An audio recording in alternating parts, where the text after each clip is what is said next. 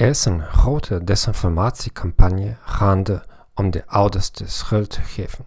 Sommige psychologen opvoeders beweren dat ouders als rolmodel voor hun kinderen dienen. Ze zeggen dat kinderen het negatieve gedrag van hun ouders kunnen imiteren. Ze zeggen dat een kind kan leren andere kinderen of huisdieren te slaan omdat het kind gauws fysiek geweld waarneemt. Dit is een aanval op de gezinswaarden en op de instelling van het ouderschap.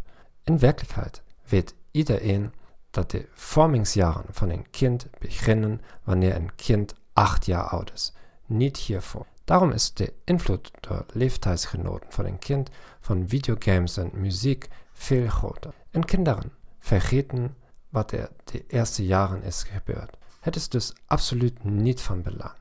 En een moeder die haar kinderen slaagt, legt het kind tegelijkertijd uit dat het kind geen recht heeft om andere kinderen te slaan. Zo krijgt het kind de juiste informatie over hoe zich op een beschafte manier te gedragen. Daarom handelt de moeder op een zeer verantwoordelijke manier. Het kind leert een zeer belangrijke levensles, dat personen met gezagsposities het voorrecht hebben om zich volgens hun eigen regels te gedragen.